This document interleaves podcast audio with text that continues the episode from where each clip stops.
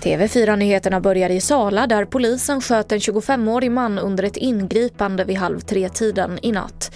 Polisen skriver på sin hemsida att den skjutne mannen är förd till sjukhus. Det är oklart hur skadad han är eller vad som ledde fram till att polisen öppnade eld. Mannen misstänks nu för olaga hot mot tjänsteman. En man i 50-årsåldern omkom i en skoterolycka norr om Kiruna igår kväll. Polisen larmades under kvällen om att personen kunde ha hamnat under isen. Mannen hittades död i vattnet och hans anhöriga är underrättade. Omkring 1000 anmälningar om falska fakturor från företaget Billpay har kommit in till polisen på mindre än en månad. Detta enligt SVT. I utskicket bifogas hot om stämning om fakturorna inte betalas men det står inte vad för köp det handlar om. Tre män är häktade och misstänkta på sannolika skäl för grovt fordringsbedrägeri. En av dem har erkänt och två av dem nekar till brott.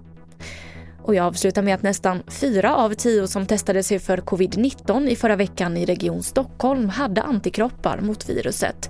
Och det här är en ökning jämfört med november då nära tre av tio hade antikroppar. Och det var det senaste från TV4 Nyheterna. Jag heter Emily Olsson.